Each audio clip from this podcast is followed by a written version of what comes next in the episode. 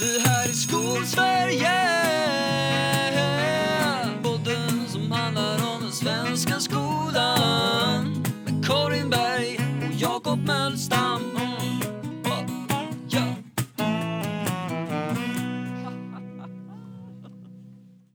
Karin, det är fredag den 23 april. Det är eftermiddag. Vi poddar som sig bör.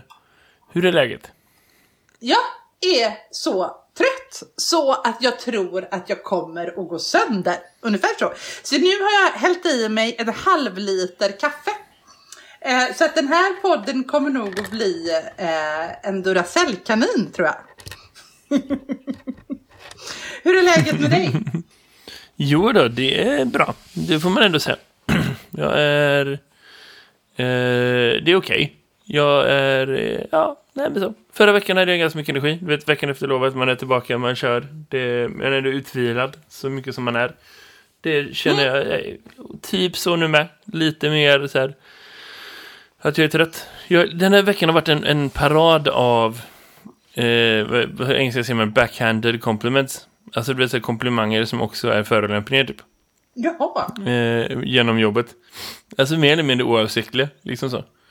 Eh, jag hade ett utvecklingssamtal med en elev häromdagen eh, som beskrev efter gått på skolan i snart ett år att liksom, hon trivs väldigt generellt så här, det bra lektioner, lugn grupp, lugna personer.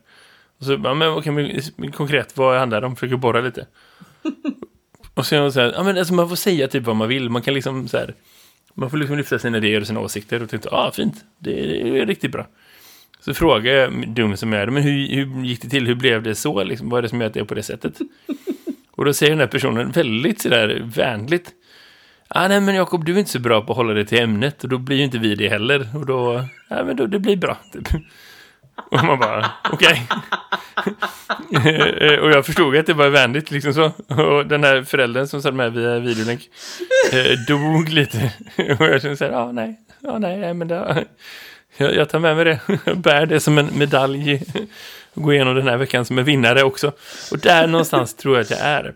Att man plockar sina segrar, är det med? Ja. Det är inte fråga om vem som är framgångsrik och vem som inte är, utan det är vem som liksom har förmågan att se saker och bara, nej, nej men det där är någonting bra. Jag har lyckats med någonting där. och så kan man blunda lite för vad som finns runt omkring. Ja, ja, det var ju väldigt fint sagt ändå. Jag, jag är ju annars inne i en sån här period av, av, du vet, när man får mailboxen full i oroliga föräldrar som eh, ja, du vet, som inte, som oroar sig för hur, hur blev det här för mitt barn nu då? Eh, och det, det är en konst att svara dem, tänker jag. Så att man inte svarar det man tänker, att chilla för guds skull. Eh, för det blir ju så när man skriver mycket prov och sånt där. Eh, mm, mm. Men, men istället svara att eh, det här ordnar vi, det är ingen problem. Eh, men det är en märklig grej det där hur man tycker att man kan in och peta i min profession, det, alltså i våran profession, alltså i lärarskapets profession, som att man förutsätter att jag inte skulle ha koll på läget. Eh, det, är en, det är en spännande, framförallt när det kommer till de här slutproven och så, för de är ganska ansträngande för, för eleverna och efter en termin på distans så förstår jag det, eller ett år på distans så förstår jag att man är orolig. För det, det är man ju, men, men, men det är också det är en konst att svara dem och lyfta det som är positivt. jag, jag förstår att det är så. Uh.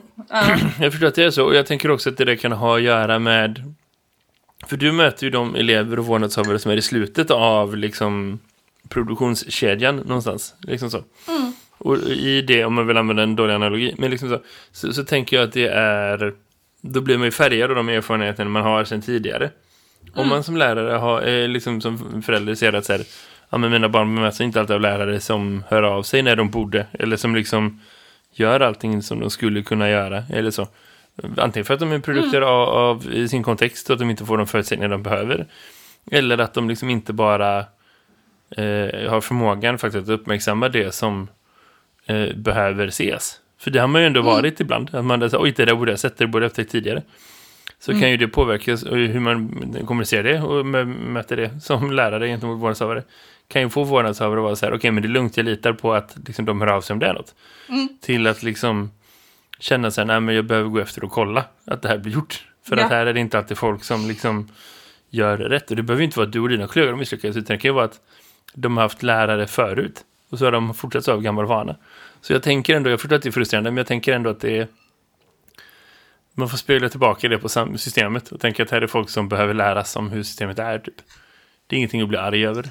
Ja, Nej men eller hur, och man måste svara professionellt. Jag tänker alltid att man alltid eh, aldrig ska svara med vändande post. Att man måste verkligen fundera, hur svarar jag den här föräldern nu så att den blir eh, liksom lugn i, i det här mm. svaret. För det, ibland måste man ju svara också så att det inte är så positivt. Alltså att det här kommer vi inte att reda ut mm. eller det här kommer att bli så här. Eller, eh, men att man gör det på en, på en profession, alltså, alltså, att man inte går i clinch. För det, det vinner ingen på. Men man kan känna Nej. det ibland när man får de där anklagelserna i de där mejlen. Eh, att eh, oj, oj, oj, vad man vill försvara sig. Och det, eh, men men det, det eh, så att jag är ganska glad över att jag eh, numera har lärt mig hur jag ska svara. För, eftersom jag har svarat på annat sätt när det inte har blivit så bra.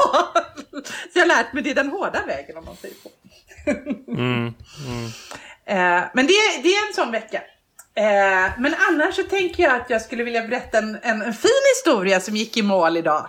Får jag berätta det för dig? Ja, ja absolut. Jag vill höra. Eh, eh, och kanske, alltså så här. Eh, om det är någonting som den här pandemin har lärt mig så är det att man måste våga ställa krav på sin omgivning och man måste våga fråga, liksom måste våga tänka större än liksom bara skolans fyra väggar. Mm. Um, och när liksom, för, det här har vi ju sagt ganska många gånger du och jag och du och jag har påmint varandra ganska många gånger om att det viktigaste just nu är de eleverna vi har för ögonen. Att man, alltså man ska göra det som är det bästa för dem. Så att de kommer mm. igenom det här på det bästa sättet. Och jag har ju 30 mentorselever och jag bestämde mig där i mars för ett år sedan att de 30, de ska ta mig satan i mål med så lite skador som det bara är möjligt. Och det har ju naturligtvis inte, alltså det har ju funnits massa saker i det, i vårt system som har gjort att jag har fått ta telefonjour på kvällar. Jag har lagt extremt mycket ideell tid på att få de här 30 mål. Eh, och jag inser att inte man kan ställa de kraven egentligen på, på alla människor. Men om det är något bidrag jag ska göra så är, det, så är det det. Och det har jag bestämt mig för och jag tänker inte bråka med någon om det. Men eh, de här 30 eleverna är ju teaterelever. Och eh, eh, en av de stora grejerna när man går i årskurs tre, det är ju att man får spela en slutproduktion. Och det betyder ja. att man sätter upp en helt egen teaterföreställning. Man jobbar nästan ett, ett, ja, man jobbar ett halvår intensivt med det. Eh, med att sätta ljus och ljud, scenografi, sy, scenogra eh, eller sy kostym, eh, det är smink och sen är det ju skådespelararbete, det är regi, ja, det är liksom hela liksom vad det innebär att liksom spela teater. Eh, och i år så såg ju det liksom länge ut som att ja, ni kommer att få göra den och så får ni spela för åtta åtta stycken om vi har tur, om vi får igenom det i våran teatersal. Mm. Uh, och man kände liksom att nej, ja, åtta stycken i publiken. Uh, de kan alltså inte ens ha med sig en från sin familj för att de är fler på scen. Uh, nej. Och någonstans där så börjar vi prata om att ja, men det borde ju kunna ringa någon, vi borde kunna hyra en annan lokal, hur gör vi? sådär. Eh, och till slut så tappade jag det för vi fick liksom inga bra svar och de kontakterna vi hade och ingen ville liksom, ingen visste hur vi skulle lösa det och sådär. Så till slut så på Twitter så skriver jag till till eh, Björn Sandmark som är på Twitter, en mycket kompetent, eh, bra person. Eh, att här är du, du, du. Eh, vet du vad? Jag behöver eh, hjälp med att eh, eh ja, kan du hjälpa mig? Vi behöver en lokal. Kan inte vi få ha Backateatern? Mm. Och så säger han, nej, det kan ni inte få, säger han. Och jag blir bara så här, nej, nej, det var ju synd. Varför fick vi inte det? Vad tråkigt. Eh, men sen så tar det två dagar och så hör han av sig och säger, jag tror jag har en lösning. Jag kan lösa en annan lokal till er där ni kan få spela teater. Eh, och tack vare det, och tack vare att jag vågade fråga och tack vare att han är en oerhört vettig person och att vi fick samarbeta då med Backa Teater så har mina elever kunnat spela för alla sina släktingar. Eh, på ett coronaskolsäkert sätt med en och en halv meters avstånd och eh, munskydd och handsprit och allt vad det har varit. Men alla har kunnat komma och se. De har haft sin intensivvecka, de har haft sin, eh, sin spelvecka precis som vanligt. Och idag när, jag, när vi packade ihop så säger en av de här eleverna som kanske inte är de som, eh, som, som är den som liksom, ja, som kanske inte har spelat så mycket teater innan, säger att vet du vad Karin, det här har varit en once in a lifetime upplevelse. Vi kommer aldrig, jag kommer aldrig uppleva något sånt här igen. Och jag är så jäkla glad för att det här blev av. Och, och, det är jättesorgligt att det är slut och det är, jag vill egentligen aldrig sluta mer. Men, men det här minnet kommer jag alltid att bära med mig. Och då känner man lite, fan, jag har vi har lyckats med detta. Visst är det lite fint? Eh. Att liksom få, ge, kunna ge dem det. Och dessutom då att eh, faktiskt andra människor i samhället, när man frågar konkreta frågor till andra människor utanför skolans värld, så vill de hjälpa till. Det tänker jag. Vi ska fråga mer så. Ja, nej, det är en fin historia. Det, det, det är såklart jättepositivt att man kan hitta olika lösningar för hur man kan liksom möta utmaningar så att det blir någonting bra av det. Mm. Det tycker jag verkligen är superfint och det är jättefint. Det är enormt fint av, av Björn såklart. Ja. Att ställa upp med en sån grej och, och läsa lokaler åt det. Det är ju en, en eh, väl, alltså applåderbar insats, eller vad säger man? Det är väl värt en applåd, liksom, att man, att Ja. man eh, hjälper till på det sättet. Och jag tror du har rätt i att liksom, Mm. man kan få hjälp av folk runt omkring på ett bra sätt om man formulerar frågan rätt. Så. Om vi ska bara lite det så är det så här att liksom, det finns massa människor som har åsikter om skolan. Jag ser inte alls att Björn är det, men, men, men är, är liksom, som har åsikter om skolan som vill bidra som skulle vara experter på det. Som skulle kunna ta över på ett sätt som jag säger, ah nej, men det var inte, nu tar vi det lugnt. Eh, så. Men, men om man tänker att så här, okej, med en konkret grej här, jag behöver läsa det här, vem kan fixa det? Eller liksom, jag tror att du kan hjälpa till med det här och det här och det skulle inte ge dig några inkomster men det skulle betyda det här och det här för oss. Det tror jag är en konstform Mm. att bli bra på att liksom be om grejer och så. Eh, så. Och det är jätteviktigt att man gör saker för unga människor för att göra, ge dem avbrott i vad det är för till, liksom, tillvaro man har. Och så. Jag tror att det är jätteviktigt att göra kontinuerligt. Eh, oavsett vad. Men, men särskilt nu när liksom så många människor är liksom i en dipp samtidigt någonstans. Och vi vet inte vart det tar slut. Liksom. Det känns inte som att det automatiskt bara är över snart. Utan det, det kommer dröja innan liksom vi får ordning på det här. Så. Och det är ju liksom en insikt som lägger lite sordin på ens energinivå. Så då är det jättepositivt om man gör saker som kan hjälpa till att lyfta upp en på olika sätt. Särskilt om man kan göra det så att det verkligen är eh, utan större smittorisker. Liksom så. så är det väl en bra idé. Ja, ja men absolut. Och att just att, att man vågar, alltså det att jag, jag, jag känner att jag är lite glad över att jag har hunnit bli så gammal att jag inte har någon prestige kvar. Jag kan ställa frågor utan att det blir pin. Alltså jag, jag skiter i det liksom. Om, de, om jag får ett nej så är det väl ett nej då. Så kan jag ställa frågan till nästa person. Um, alltså det, det är jag lite glad över att jag liksom inte är Eh, liksom, det är väl ingen fara i det. Men sen är jag också lite glad över att, att man faktiskt just...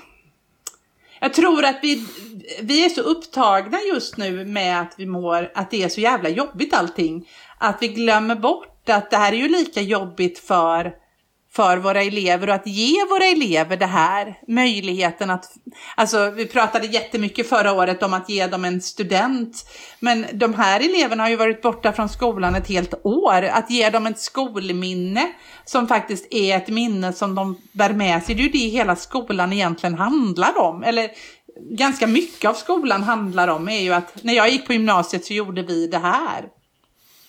Eh, och de, de här eleverna, många av dem har ju, det när jag gick på gymnasiet så satt jag hemma framför datorn i min ensamhet med min mamma. det, det är ju väldigt många som har den minnet istället.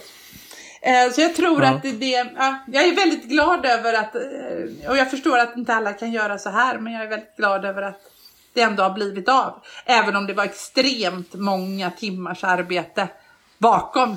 Mycket fler än vad eleverna vet om. För det är ju någonting att flytta en verksamhet från punkt A till punkt B. Det gör man inte bara. Nej, nej. Ja, men jag var med om det flera gånger det senaste året, så jag förstår. Nej, det där tänker jag är, är en värdefull eh, insikt. Om man ser på lärande lite som att man skapar eh, minnen, så, alltså över längre tid.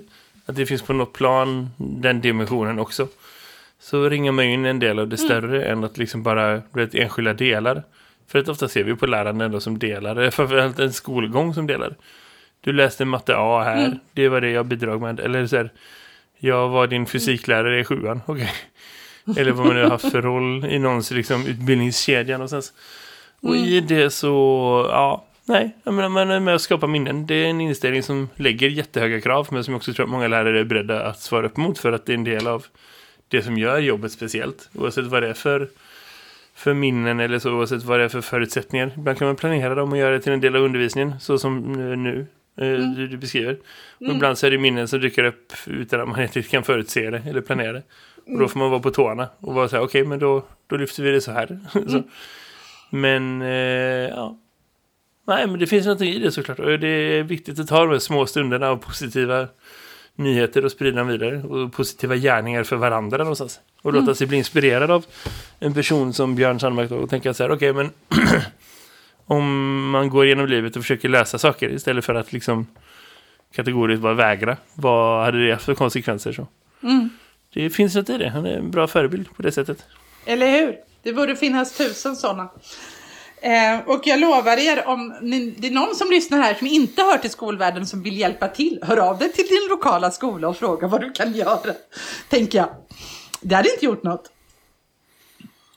Nej, men hör av dig digitalt. Ja. Idag gick jag en korridor på jobbet så gick det förbi en tant med en pudel inomhus. Då tänkte jag, hur, vad hände här? Ursäkta, jag letar efter rektorn. Ja, men du får du göra utomhus. Om du går och väntar här så ringer jag på henne. Ja. Men, Total parentes. Men, men hur som helst, ja, man får jättegärna hjälpa till. Eh, Ja. Reach out, men gör det digitalt för guds skull. Ja, ja, ja, Kom ja. inte förbi. Nej, Eh, nej, nej, nej. Från det ena till det andra, Jakob, vi ska byta ämne, tycker du inte det? Jo, absolut, det kan vi göra.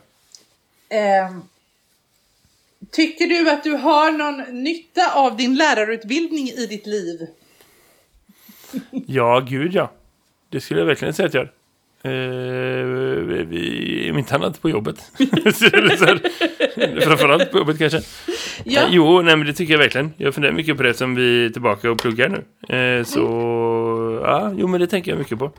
Och ja, jag har stor nytta av det i kombination med den praktiken och den erfarenheten och den liksom, så som jag har byggt upp. Men det är klart att det finns eh, jättemycket att härleda tillbaka till de åren på universitetet. Det, Eller det hur? är jag väldigt tacksam för. Ja, men jag tänker också det. Jag tänker också att, att, eh, liksom att det är ju många, många år som man är på, på universitetet. Alltså, jag tror att min utbildning är fem och ett halvt år om jag inte minns fel. Och det tror jag inte att jag gör. Eh, och eh, man, man, man, lär, man vänder och vrider och jag har tänkt, det har slagit mig jättemycket nu det sista, att jag hade gärna sett att vi hade ännu mer av lärandeteori i våran grundutbildning än vad vi har. Eller är lärandeteori lite mera handfast eller härleda metoder till lärandeteori och sådär. Det har jag tänkt på mycket nu när vi pluggar eftersom eh, mycket av designprocessen och så och spelprocesser, alltså olika saker som vi har pratat om i våran utbildning som vi går nu, magisterprogrammet som vi går nu i lärande, kommunikation och IT som då, där allting egentligen härleder till eh, lärande teori, vilket jag tycker är superintressant. Och det hade varit ännu mer intressant om man gjorde det, för man förstår på ett helt fördjupat plan hur, vad det är man gör och vilka liksom, metoder man tar och sådär. Att, att det är inte bara så att man går in och berättar för någon, för ett 30 elever vad man kan om August Strindberg och så kommer de 30 eleverna automatiskt gå därifrån och kunna det jag sa om August Strindberg eh, efter att jag har sagt det. Det är inte så Nej. lärande funkar kan man ju meddela. Eh, precis, man kan ringa in det. Eh, det är så här att det, det finns ju en enorm lärarbrist i Sverige. Eh, så. Det behövs lärare åt alla möjliga håll och kanter. Och det behövs vissa lärarkategorier och vissa ämnen. Och det har varit så ganska länge. Och vi har ju inte så mycket alternativ. Vi kan inte stänga ner skolor och så. Och, utan vi måste hitta lösningar för det. Som gör skolan mer attraktiv som arbetsplats. Som gör läraryrket mer attraktivt. Som gör att vi kan behålla fler personer. Att vi kan få folk att komma tillbaka. Eh, att vi kan få folk, eh, fler att gå igenom lärarutbildningen på ett bra sätt. Och liksom inte hoppa av på vägen och så. Utan att man liksom sänker ribbor och nivåer. Utan man tänker så här, vi måste få in, vi måste få rätt personer att bli lärare. Och det är väl så någonstans att läraryrket är ofta folks andra yrke. Liksom det, är, det är inte medelåldern på lärarutbildningen är högre än på många andra utbildningar. För att folk har gjort haft en annan karriär förut. Och så blir man lärare. Och det är väl smart. Det är jättebra att det är folk som kommer från olika perspektiv och olika erfarenheter och så. Jag hade en, en, en kollega för några år sedan som var i grunden någon sorts, typ jobbade på så här webbyrå inom IT-branschen typ. Eh, och hade jätteintressanta erfarenheter och så. Jobbade som obehörig timvikarie. Men liksom, eh, så här, vi, vi kunde prata om villkor och förutsättningar och vad hon såg som en person utifrån och så. Det var liksom intressant. Eh, så. Och jag och mina kollegor kunde informera henne om saker hon behövde lära sig. Hon var där först en dag, sen liksom längre och längre och sen lite läsa ströjobb under någon termin så. Och det var ju liksom ett superintressant utbyte. Så det finns ju alltid någonting när man jobbar med obehöriga som ändå finns i vår värld. För att det är ett lagarbete så det är inte så farligt liksom, om det kommer in någon ett par timmar en gång. Så.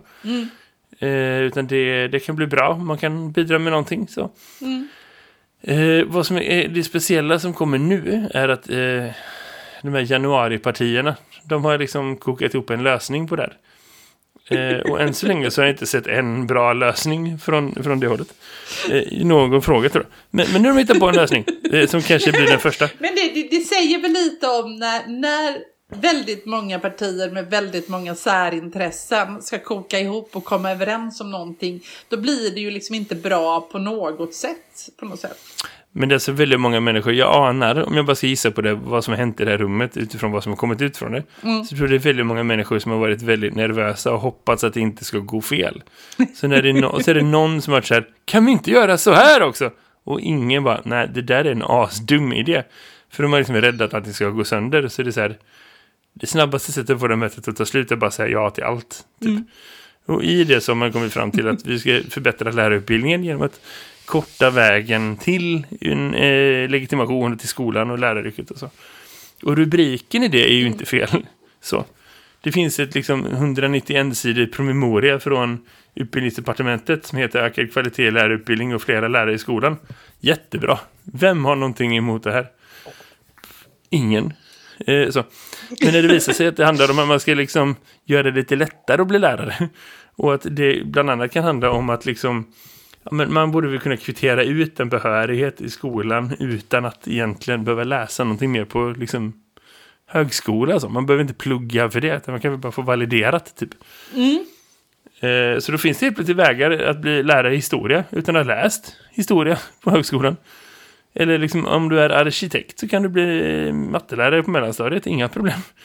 Va? Eh, ja, visst, visst. Eh, jag läser en artikel som jag kan lägga eh, så. Det kallas för snabbspåret. Eh, den reguljära lärarutbildningen tar fem år, yes, det vet vi. Och vi vet att det är ganska många som hoppar av, att det fattas lärare och det är ett problem så. Eh, och då är det så här att eh, regeringen och samarbetspartierna föreslår ett ettårigt snabbspår till läraryrket för personer med akademisk examen.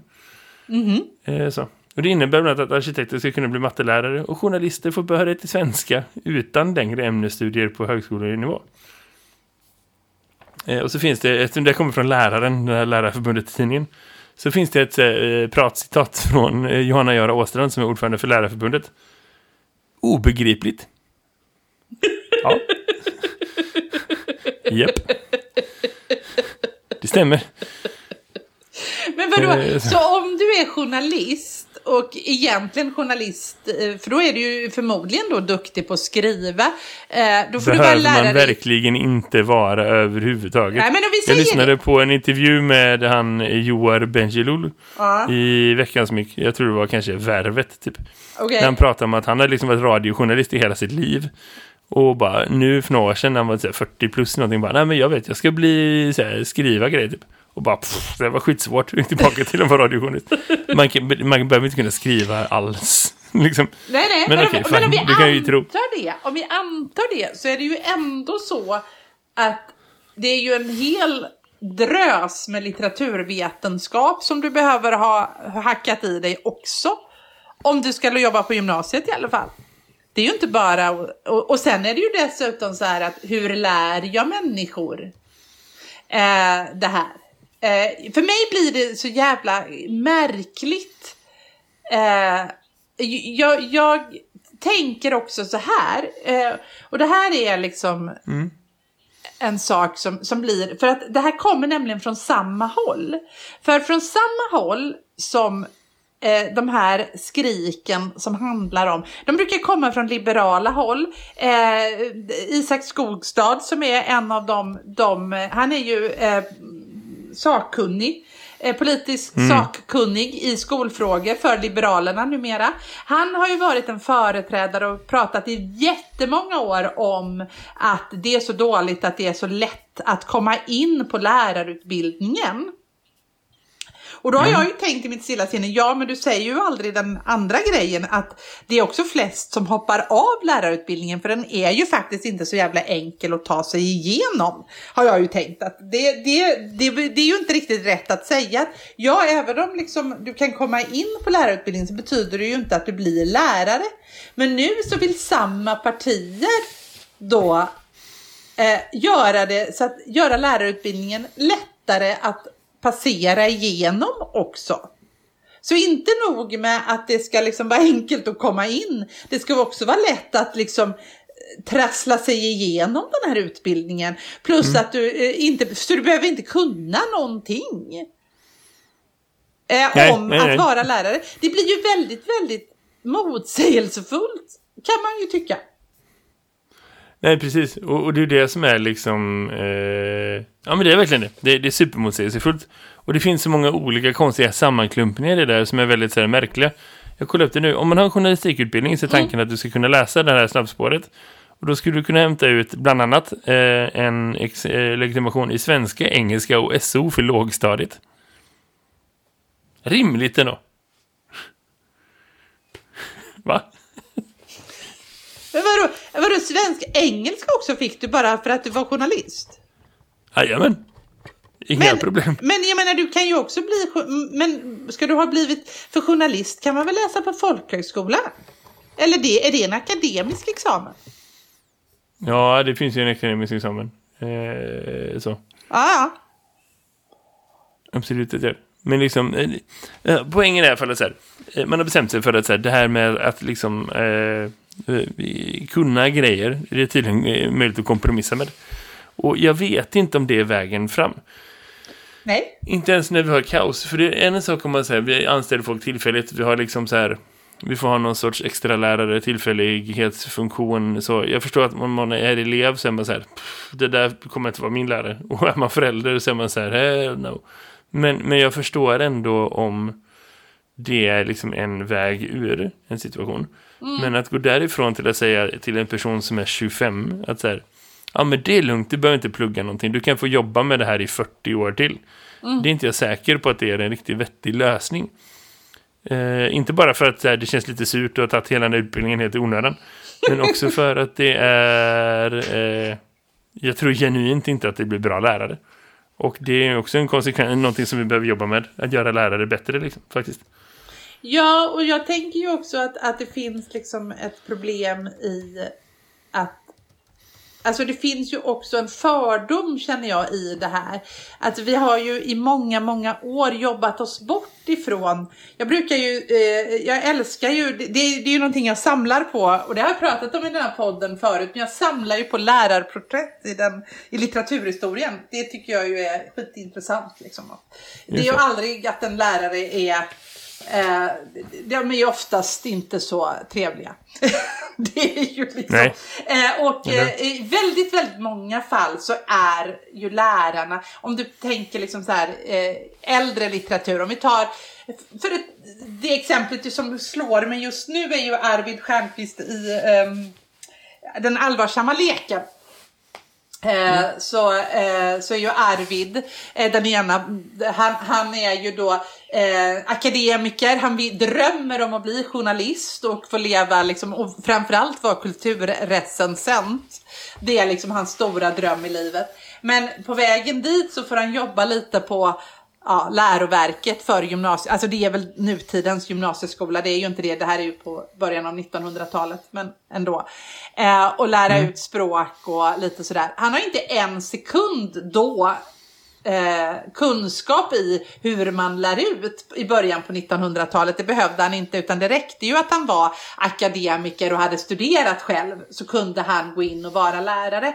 Eh, det, liksom, och eh, jag vet ju att man, man, man gick ju så här länge gick man små, alltså folkskollärarseminariet på några veckor och så blev man lärare och sådär. Eh, men det hade ju inte Arvid gått utan han hade ju i den här boken utan han, han blev ju det i väntan på sitt stora genombrott. Eh, och den mm. där bilden av att man blir lärare för att jag blev inte det jag drömde om det är ju någonting som har frodats i vår litteratur men också någonting som har varit vanligt i vår kultur. Och det här förslaget gör ju just gör ju liksom, får ju oss tillbaka till det. Att läraryrket, när du inte blir den där hyllade arkitekten, nej då kan du alltid bli lärare. När du inte blir den där eh, journalisten som Karina eh, mm. Bergfeldt med egen talkshow. Nej, då får du, nej, nej, du blev inte det. Nej, men du kan ju alltid bli lärare. När du inte blev den där, eh, ja, du vet. Du är med mig hur mm. jag tänker. Och, och den bilden är ju just när inte läraryrket i sig kan vara ett drömyrke. Då blir det ju på något sätt ett, det, det ju, finns ju ett inbyggt problem i det eftersom det är ju ett eget yrke, det är ju ett hantverk att jobba med det vi jobbar med. Det är ju inte bara så att man kan liksom, jag vet inte hur många gånger jag har mött sådana här du vet, ideella i, för mina barn har ju hållit på mycket med fotboll. När, när fotbollstränare, mm, mm. föräldrar, pappor som har barnen i fotboll som kommer till mig och så säger de, men jag är ju jättepedagogisk men de gör aldrig som jag säger ändå. Säger papporna. Och jag bara, eh, någonstans i den meningen så har vi felet. Om du hade varit det jättepedagogisk så... så hade barnen Det där är så, så roligt. Eh... ja. Och Men konceptet pedagogiskt. Och det jag tänker att... Va, ja. Mm. Mm. Ja, men du, du hör ju liksom, och det tänker jag det är precis det som ligger i, i den här problematiken. För att om du då liksom kommer och är liksom arkitekt och sen förklarar då hur man räknar ut matte för de här lågstadiebarnen på det sättet som du lärde dig på arkitekthögskolan. Jag vet inte mellan dig och mig om eh, det blir så bra. Alltså, jag tror inte det. Jag tror verkligen inte att det blir bra. Jag tror inte det är värt det. Eh, inte alls. Nej. Eh. Nej, det är en upp och nervänd värld, helt enkelt. Eh, vi får se vad som händer med det. Eh, jag har ändå gått i en mm. förvillelse av alla januari-förslagsidéer. Att jag säger det här är för dumt för att jag ska kunna gå igenom. Eh, det har inte visat sig vara sant än. Men man kan ju hoppas att det här var det som var för dumt för att gå igenom. Eh, bara tiden får utvisa vad som händer med det. Men, och jag tänker så här, att det, hela den här grejen är ett tecken på liksom, den generella så här, misstron mot skolan och läraryrket som finns. Mm. Och, och, jag börjar tröttna lite på att den finns där och, mm. och så. Men, men vi får väl liksom kraftsamla oss efter att hela den här coronagrejen är över och ta tag i det. Och kanske bli bättre på att förklara vad det är vi gör. Typ jag tror mm. att det är det som folk inte riktigt fattar. De ser bara sina egna gamla lärare. Så tänker de det när de var elever. Och tänkte så här, ja ja. Och det är liksom, vi behöver en, en annan kampanj någon annanstans för att förklara hur skolan funkar. Och det tror jag det löser en del av våra problem. Men det där får vi skjuta på framtiden, Karin. Det är inte något att lösa en fredag eftermiddag. Nej, det är väl inte det. Och jag tänker att eh, det är väldigt, väldigt viktigt att komma ihåg att det du minns ur ditt barnperspektiv är just ur ett barnperspektiv. Du minns det så som när du var barn. Det kan ju ha varit så att dina gamla lärare hade en tanke som du inte såg när du var barn. Så Fint. kan det vara. Så kan det vara. Så kan det vara. Så kan det vara. Yes, ja. Karin, det var kul att prata. Vi hörs igen nästa vecka. Ha det gott, hej. Ha det så fint. Hej då. Vi här i Skolsverige